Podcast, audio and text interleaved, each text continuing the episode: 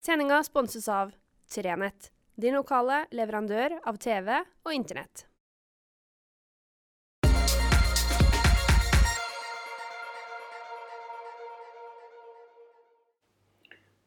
Riktig god fredag. Og det tror jeg vi kan trygt slå fast at det er.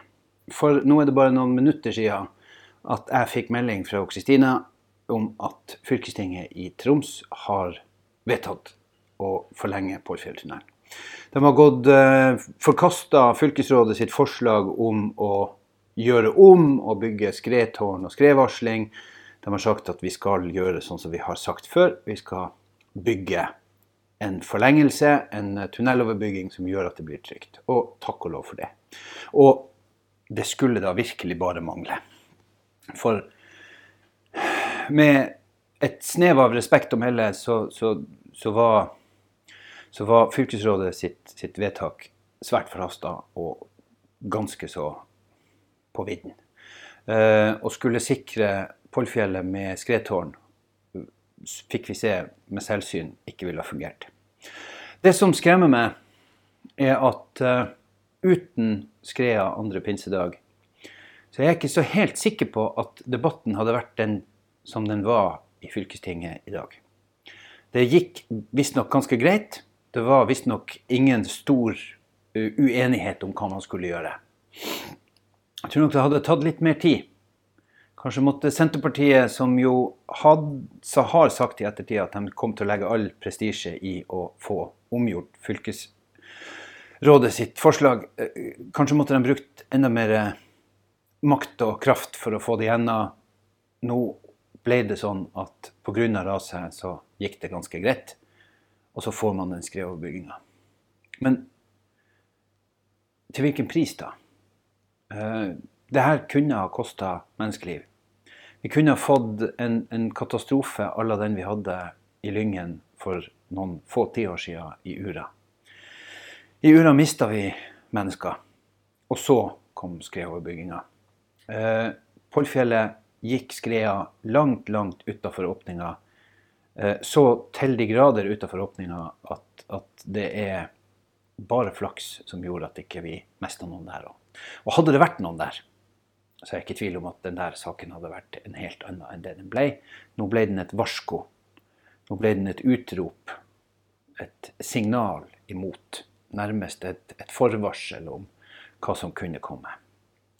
Eh, vi må tenke annerledes når det kommer til skred. Vi må tenke forebygging og ikke etterbygging. Og Det samme må skje når det gjelder fylkesveien på Arnøya. Der har vi òg store utfordringer, og der er det òg bare flaks.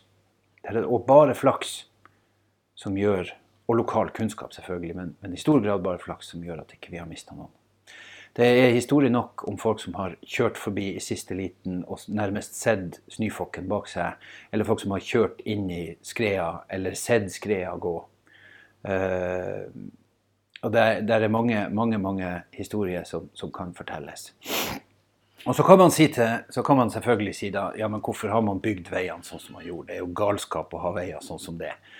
Jeg syns Skjervebrua er et godt eksempel på tida før og tida nå. Skjervebrua ble altså prosjektert. Den sto ferdig i 1971, er bygd på begynnelsen av rundt 70. Hvis du ser på infrastrukturen i Nord-Troms rundt 1970, eh, og spør, Hvis du hadde dratt tilbake i tid og spurt en politiker om hva han trodde om infrastrukturen i årene framover, så ville han sagt at det er viktig å ha veier sånn at vi kan kjøre og komme oss til og fra. Men jeg tror veldig få politikere hadde sagt at eh, Og så må vi forberede oss på at trafikken skifter fra kjøl til hjul. Da gikk alt, stort sett alt av trafikk, alt av godstrafikk, gikk på havet. Og, og brua til Skjervøy var evig stor nok da den kom. Hvis vi husker tilbake, vi som, som husker tilbake, og som, har, som er gammel nok til det, så hadde vi altså ei bitte lita ferge som tøfla over Maursundet noen ganger i døgnet. Det var nok da. Vi hadde ikke så mye større behov enn å få bilene over og et par-tre busser i døgnet. Det var ikke den store. Lastebiler kom til og fra med noe gods, ja, men i all hovedsak så var lastebiler noe vi brukte for å kjøre som anleggsmaskiner. I dag er jo en lastebil er lastebilene livsnerven vår. det er dem som sørger for at vi i Skjervøy er et livskraftig samfunn. Det er fordi at vi får ut laks verdt 6 milliarder hvert eneste år. Og det er klart at i et sånt lys er jo Skjervøybrua fullstendig malplassert. Akkurat som resten av fylkesveien hit er altfor smal, altfor svingete og aldri ville ha bygd sånn som den er bygd i dag. Hadde det man skulle ha bygd en vei fra Langslett til Skjervøy i dag, så hadde den gått igjennom et par fjell. Den hadde sikkert forsvunnet inn i fjellet ved, ved, ved, i Bakkeby. Og så hadde den kommet ut eh, på, på Hamneiet, gått i over Maursundet i ei bru eller på et eller annet vis og, og strekt seg inn i fjell og beint og flint og bredt og alt det der. Det vet vi jo i dag. Det visste man ikke da, den gang. Og, og derfor er det at vi i tida framover er nødt til å ha fokus på de her gamle veiene våre som vi bygde i beste mening en gang i tida, men som i dag ikke holder standard. Og jeg har full forståelse for at politikerne har en nærmest Urias-post i å finne penger til alt det her. For jammen koster det å skredsikre. Men vi bor nå her. Og vi lever her, og vi har Vi sørger for at samfunnet går rundt gjennom de pengene som blir eh, satt i land i Årviksand, den fisken som blir produsert på Lauksletta, det livet som leves langs med veiene våre på yttersida og på innersida. Og da må vi ha trygge veier. Næringslivet på Fugleflaten må ha en tunnel som er trygg, sånn at de får arbeiderne sine til og fra. At ungene kommer trygt til og fra skole og barnehage. Og at man kan reise langs med Storfjorden på vestersida på en trygg og god måte.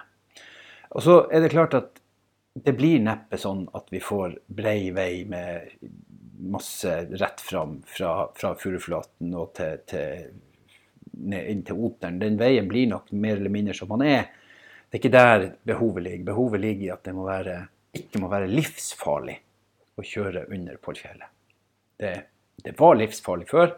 Så bygde man en tunnel, og så har det jammen vært livsfarlig etter de òg. Da har vi gjort en feil, og da må vi rydde opp. Nå har heldigvis fylkestinget igjen sagt at de skal rydde opp. Og så er det jo bare å håpe at det her ikke blir ødelagt en gang til. Jeg håper at politikerne våre slipper å jobbe etter aha-metoden. At man får aha-opplevelser type andre pinsedag i Lyngen. Men at man kan jobbe etter føre var. Se at her må det gjøres noe, og så gjøre det. Og så ikke bestandig tenke at det skal gjøres på billigste måte. For alle som har handla litt, vet at det som koster, er av og til mer langvarig og langsiktig. Og du bruker kanskje bare pengene én gang istedenfor å bruke pengene mange ganger. Det var mitt lille hjertesukk, som egentlig er et lite gledessukk. Eh, jeg er superfornøyd med at vi fikk på plass Porfjelltunnelen og får den overbygginga. Men var det nødvendig å gi oss alt det her eh, merarbeidet? Kunne vi ikke ha fått brukt de her månedene på å skrive om andre ting enn å krangle og kjempe for det? Men det er jobben til bl.a. oss i lokalavisa. En av jobbene våre er akkurat det her, nemlig å fortelle dem som sitter med makta, at uh, nå har dere gjort en feil. Jeg er veldig glad for at uh, vi kunne være med å bidra. Jeg må, lov, må, få lov å si at jeg syns at vi har gjort en OK jobb med tanke på Porfjelltunnelen og dekninga der, og, og, eh, er veldig glad for at fylket nå har sagt at det blir sånn. Og så håper jeg innstendig og inderlig at man finner penger sånn at man får gjort noe med veiene på Arnøya. Fort som rakkeren. Ikke etter a-ha-metoden, men etter føre-var-metoden. Ønsker dere alle sammen en riktig god helg. En gledelig helg, særlig i Lyngen. Der er det all mulig grunn til å ja, sprette boblen og uh, nyte det. Og så har nå meteorologen da gitt oss et lite skudd for baugen. Vi skulle jo ha tropevarme, og så har han altså Nei, han har ikke. Det er feil. Men det har altså da kommet en snikende noe trekk. Noe trekk nordfra som kommer til å gjøre det litt kaldere. Det er jo ikke noe bra. Men vi tar det som kommer. Og så gleder vi oss over ja til skrevoverbygging. Riktig god helg. Far pent.